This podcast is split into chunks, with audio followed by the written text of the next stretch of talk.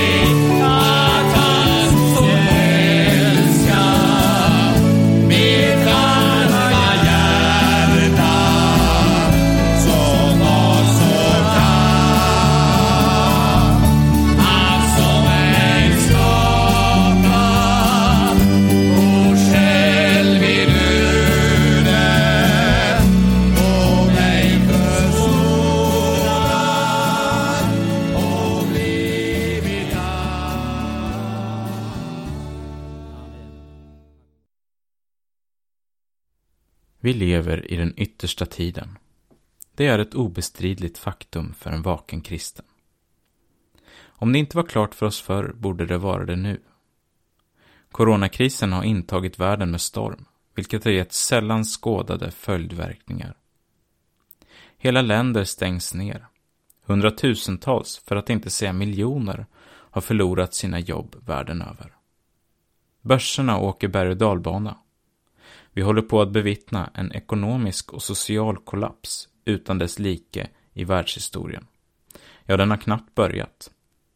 Och då har jag inte ens nämnt själva sjukdomen covid-19 och dess skördande av människoliv som fortfarande pågår med full kraft. Pandemier är dock ingenting nytt. De kommer med jämna mellanrum. Det har alltid gjort det.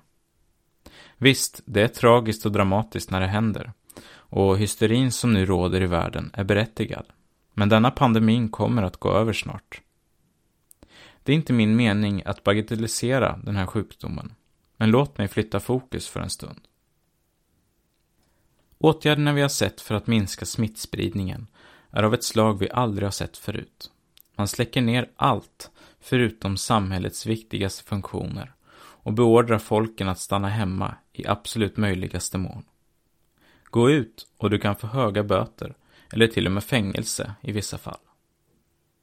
Vissa länder går längre än andra i kontrollen över människorna.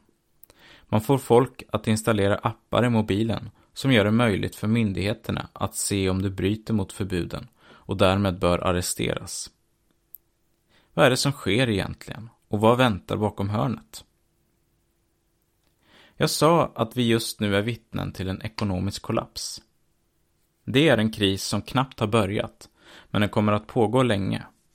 En kris som, i motsats till finanskrisen 2008, kommer att slå inte bara mot företag och banker, utan också mot individen.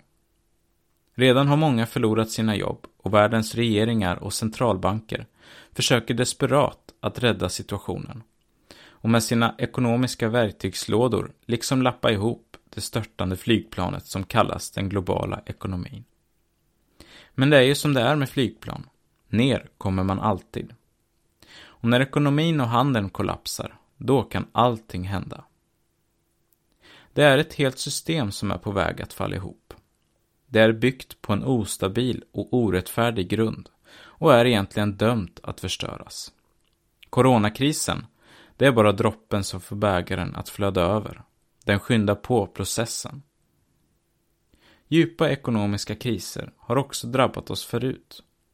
Men denna krisen är annorlunda. Vi lever i världshistoriens mest komplexa och globaliserade samhälle. Ett samhälle som är oerhört bräckligt i sin natur, särskilt i västvärlden. Vad händer om internet plötsligt inte fungerar? Eller om elnätet släcks ner? Vad händer när vi inte längre kan importera till exempel mat, mediciner, olja och så vidare? Det här är inte otänkbara scenarion, i synnerhet inte i dagens situation. Ingen vet det slutliga utfallet i den ekonomiska krisen som är på ingång. De flesta experter tycker i alla fall att det ser mörkt ut, om inte nattsvart. Andligen är konsekvenserna av detta ogudaktiga världssystem redan här. Folken är avtrubbade och sekulariserade, distraherade och bedövade. Kristenheten är ljum och väldigt tillåtande för världslig påverkan. Vi är dock på väg att komma till den punkt då inte bara det andliga utan också det fysiska antikristliga världsriket är redo att verkställas. Diktaturernas diktatur ska stiga upp ur folkhavet och kommer att göra det i demokratins tecken. Antikrist gör sig redo att inta världstronen. Han är uppstigen ur det stora folkhavet. Han är alltså vald av folket för att ställa allting till rätta. Men det kommer så småningom att visa sig varifrån han har sitt ursprung och inspiration. I den här tiden är det viktigt för en kristen att vara vis, som det står i Uppenbarelsebokens trettonde kapitel. Vi har ett val att göra. Välja att vara med eller att stå utanför. Kämpa för världsrikernas skull eller söka Guds rike. Väckelsekristna har i alla tider gjort det senare vilket också vår Mästare Jesus Kristus gjorde. Bibeln lär att vi ska gå ut till honom utanför lägret och bära hans vanära. Hebreerbrevet kapitel 13 och vers 13. Jesus förkroppsligade Guds rike i tiden, och det var ett rike som verkligen inte passade in. Nej, det passade så dåligt att världens makter spikade upp kungen själv på ett kors. Jesus understryker i Johannes evangeliet kapitel 15 att hans efterföljare inte kan vänta sig något annat än detsamma när vi är honom trogna. Det vi ser byggas upp i världen är ingenting annat än ett Babelstorn. Urtornet som vi kan läsa om i Bibeln, det byggdes med ambitionen om att nå upp till himlen. Att på mänskligt vis skapa en perfekt värld där människan råder. Men det är ingenting annat än, än en utopi. Detsamma ser vi idag. Världens makter strävar mot enhet och man vill skapa ett fredsrike utan fattigdom och nöd, utan krig, konflikter, sjukdomar och svält. Detta är självklart dömt att misslyckas eftersom man utesluter fredsfursten Jesus Kristus själv. Världshistorien talar sitt klara språk. Vi har provat alla möjliga styrelseskick utan framgång. Sist och slutligen står vi kvar med demokratin, som nu är inne på sin sista vers. Här visar sig människans inre på det mest fullödiga sätt, nu när hon får makten att välja precis vad hon vill ha. Resultatet har vi redan sett. Ett samhälle med omåttlig lyx, byggd på undertryckande av de svaga. Ett samhälle där 20% lever av 80% av världens resurser och vice versa. Ett samhälle där över 50 miljoner ofödda barn varje år dödas på grund av egoistiska skäl. Det är snart dags för Gud att sätta stopp. Babelstornet är i gungning. Kan månne krisen vi går igenom just nu vara jordbävningen som får det att rasa? Som kristna tillhör vi inte världen. Det betyder inte att vi ska stänga in oss och isolera oss från den. Nej, precis som Jesus gjorde ska vi gå ut till de förlorade syndarna och visa dem vägen till Gud. Det sker genom att predika Guds ord, inte genom sociala reformer eller politiska satsningar. Vi rättar oss inte efter världens spelregler. Guds rike styrs av helt andra lagar. Det kommer att visa sig vilket rike det är som består så småningom. Därför bör vi göra vårt val redan nu. Jag vill uppmana dig som lyssnar att vakna upp från din sömn. Det andliga klimatet i dagens Sverige är verkligen sövande och det är svårt för en kristen att vara fokuserad mitt i allt brus. Be om Guds kraft att klara av det som komma skall. Be om nåd att få vara ett ljus bland dina medmänniskor så de genom dig kan få se vem som är Herre över allt. Än är det nådens tid, men snart kommer Jesus igen. Låt oss kämpa för Guds rike den tid som är kvar. Snart en morgon bryter fram Jesus hämtar bruden hem. Ingen sorg skall vara med Ingen sjukdom där vi ser. När vi intar vår palats Jerusalem. Ingen sorg skall vara med Ingen sjukdom där vi ser. När vi intar vår palats Jerusalem. Solen sjönk, det är kväll. Arma jord, farväl, farväl. All din glans ska svinna hem. Vi består i himmelen. Där ska sången brusa från? Var frigjord själ. All ska svinna hem. Vi består i himmelen. Där ska sången brusa från var frigjord själ. Livets själv som klar kristall. Ren och stilla flyta skall. Vad det öga här har sett Gud av nåd för oss berett När vi hemma står med segerpalm i hand. Vad det ögat här har sett. Gud av nåd för oss berett när vi hemma står med segerpalm i hand. Bruder själv på Jesus se.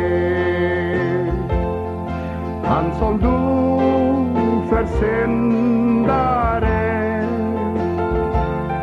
Han har öppnat livets väg med de sår han fick för dig då han bar din synd och skuld på Golgata. Han har öppnat livets väg med de sår han fick för dig då han bar din synd och skull på Golgata.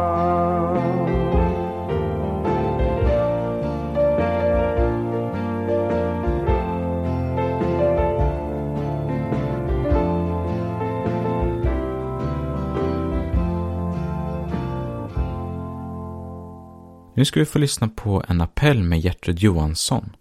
Och hon höll den under ett väckelsemöte för ungefär ett halvår sedan på Maranatförsamlingens gamla missionscenter i Bromma. Men eh, budskapet det är än mer aktuellt idag. Ja, det är stort att få vara samlade och tala om Jesus och hans väldiga gärningar.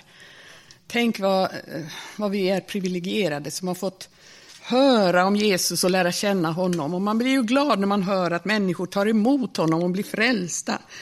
Men jag har eh, hållit till lite grann i Uppenbarelseboken.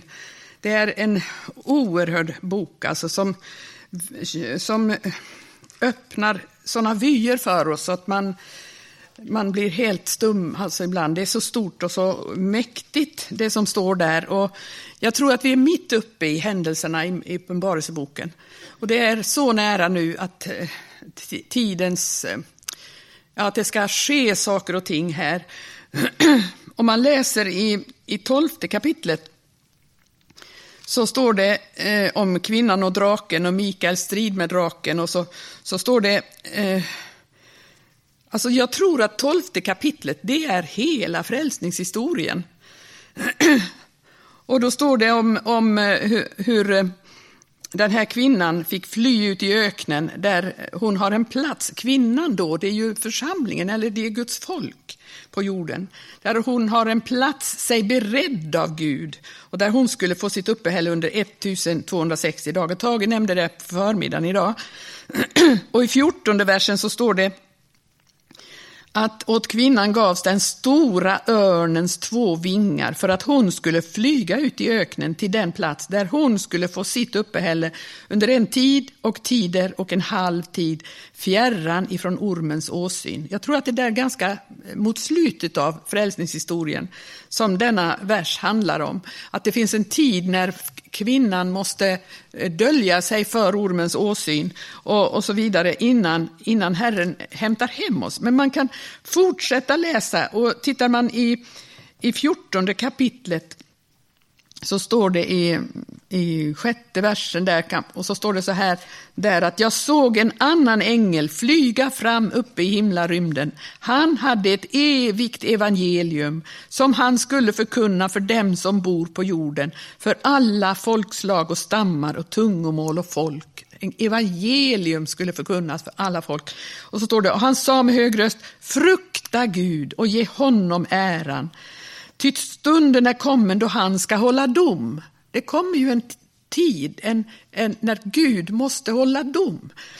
För att han måste ju någon gång sätta stopp för ondskan och dess utveckling och då måste han hålla dom. Det är godhet ifrån honom det också. Och så står det så här, tillbed honom som har skapat himmel och jord och hav och vattenkällor. Och längre ner i kapitlet så står det om människor som tillber vilddjuret. Och så satt jag och tänkte på varför tillber de vilddjuret? Vad kommer det sig att de gör det? Det måste väl bero på att de tror att det är eh, Gud eller Guds... Eh, Alltså att på något sätt så måste de ha fått en felaktig bild. Jag satt och tänkte det där innan Elisabet vittnade här om hur människor har felaktiga föreställningar om Gud, om att man tror saker och ting om Gud som inte stämmer. Och människor måste ju ha blivit för bedragna och, och, och förvillade för att de börjar tillbedja vilddjuret istället. Vi står att vi ska tillbedja honom som har skapat himmel och jord och hav och vattenkällor. Du förstår vad viktigt det är att vi har en rätt bild av honom, att vi känner igen honom. Och, och där tror jag att, att vi har en, ett, detta löfte att vi har den helige ande. Vi måste eh, söka att vi blir fyllda av den helige ande så att vi kan känna igen Jesus och inte förväxla honom med det vilddjur som ska framträda i den sista tiden. Och så att vi tror att det är han som är det. Och jag, jag, tänkte på alla dessa, man hör vittnesbörd om att skaror av unga tar emot Jesus. Det är fantastiskt att de gör det. Och, och, men vi måste bedja för dem. Vi måste be för dem att de får en rätt kunskap om honom, att de får lära känna honom som han är, så att inte de blir bedragna av främmande bilder eller främmande läror om honom. När de nu är nyfödda barn så måste de få den äkta, oförfalskade mjölken. Det kan vi ha som böne ämne. Eh, vi kan bedja för människor som tar emot Jesus idag. Låt dem få en rätt kunskap om dig. Låt dem få en rätt undervisning. Låt dem få en sann undervisning. Låt dem få träffas av det sanna, äkta ljuset. För det finns så mycket irrbloss och, och, och, och vilseledande läror i vår tid. Men Gode Gud, välsigna dem att de får bli, komma till en rätt kunskap om, om Jesus, så att de känner igen honom, att de förstår att det är han, så de inte börjar följa vilddjuret eller de eh, främmande lärorna. Det, det står i tolfte versen i fjortonde kapitlet, här gäller det för de heliga att ha ståndaktighet, för de som håller Guds bud och bevara tron på Jesus. Och i trettonde versen, jag hörde en röst från himlen säga, skriv, saliga är de döda som dör i Herren härefter. Ja, säger anden, de ska få vila sig från sitt arbete, till deras gärningar följa dem. Och så står det i, i, längre bort här om honom, ja vi kan fortsätta där i fjortonde versen. Jag fick se en vit sky och på skyn satt en som liknade en människoson och han hade på sitt huvud en gyllene krans och i sin hand en vass lie. Och en annan ängel kom ut ur templet och ropade med hög röst till den som satt på skyn. Låt din lie gå och inbärga skörden, ty skördetiden är kommen och säden på jorden är fullt mogen till skörd. Och den som satt på skyn högg då till med sin lie på jorden och jorden blev avbärgad. Och just den lien och han som satt där på denna vita skyn, det tror jag är Jesus, när han avbärgar eh, jorden, det är när han kommer och hämtar sin skara hem till honom. Det är så nära nu och då måste vi vara, höra till den skaran som har bevarat tron på Jesus. Att inte vi har blivit förvillade och, och förfallit till att tillbedja någon annan än den sanna Jesus. Tänk vad viktigt det är att hålla sig vaken i vår tid. Det är viktigare än någonsin. Jag upplever det själv, att det är som att man måste kämpa mot sömnaktigheten, för den vill så lätt ta oss fatt. Men vi kan bedja, vi kan ropa till honom, vi kan varje dag vara ensam med honom i vår bönevrå för att få mer av honom, få, få fylla på av oljan, fylla på av hans ande i våra liv, för då kommer vi rätt. Då har han lovat att han bevarar oss. Vi behöver inte frukta om vi fyller på med hans olja. Och det kan vi göra i ensamhet med honom varje dag. Och vi kan göra det också i våra bönesamlingar, i våra små möten här som vi har. Så påminner vi varandra om de här sakerna och så, och så uppbygger vi varandra på vår allra heligaste tro. Tänk att vi får nåd att göra det.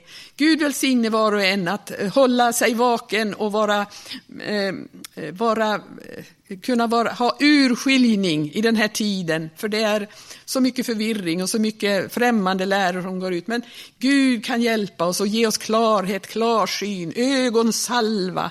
Det behöver vi idag och det kan vi få också från honom. Han har, har detta för oss och vi bara behöver umgås med honom. Då hämtar han ut åt oss detta, att vi får olja i kärlet och ögonsalva och att vi får renas i ljuset eh, av, i ljuset av honom så kan vi vandra där och bli renade av hans blod varje dag.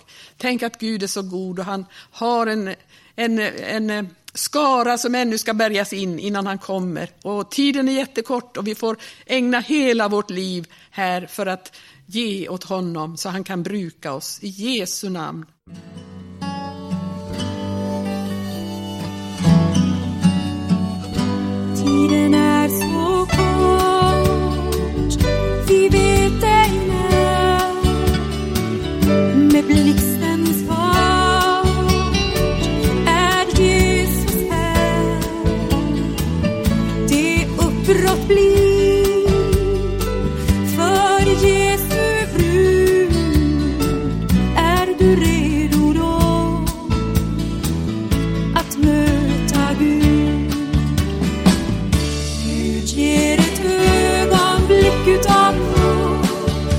En kort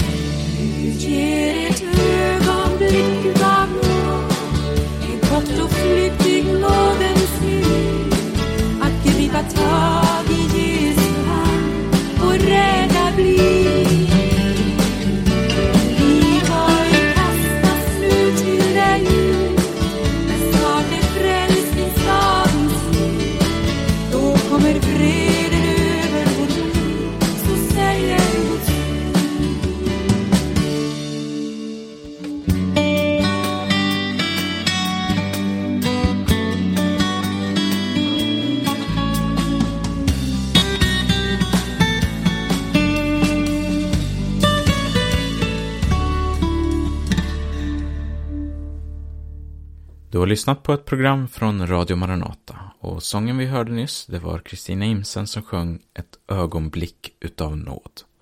Radio Maranata sänder över Stockholms närradio eh, 88 MHz och Örebro närradio 95,3 MHz.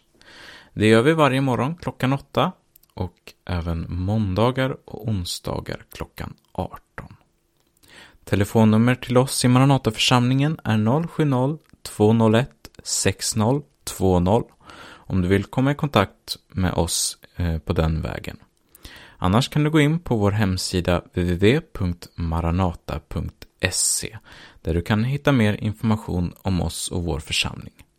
Där kan du också teckna på ett gratis abonnemang på vår eh, eh väckelsekristna tidskrift Midnattsropet som vi ger ut sex nummer av per år. Jag som har stått för dagens program, jag heter Morgan Lindros och jag vill önska dig som lyssnar Guds rika välsignelse och på återhörande. Vi hörs igen i Radio Maranata.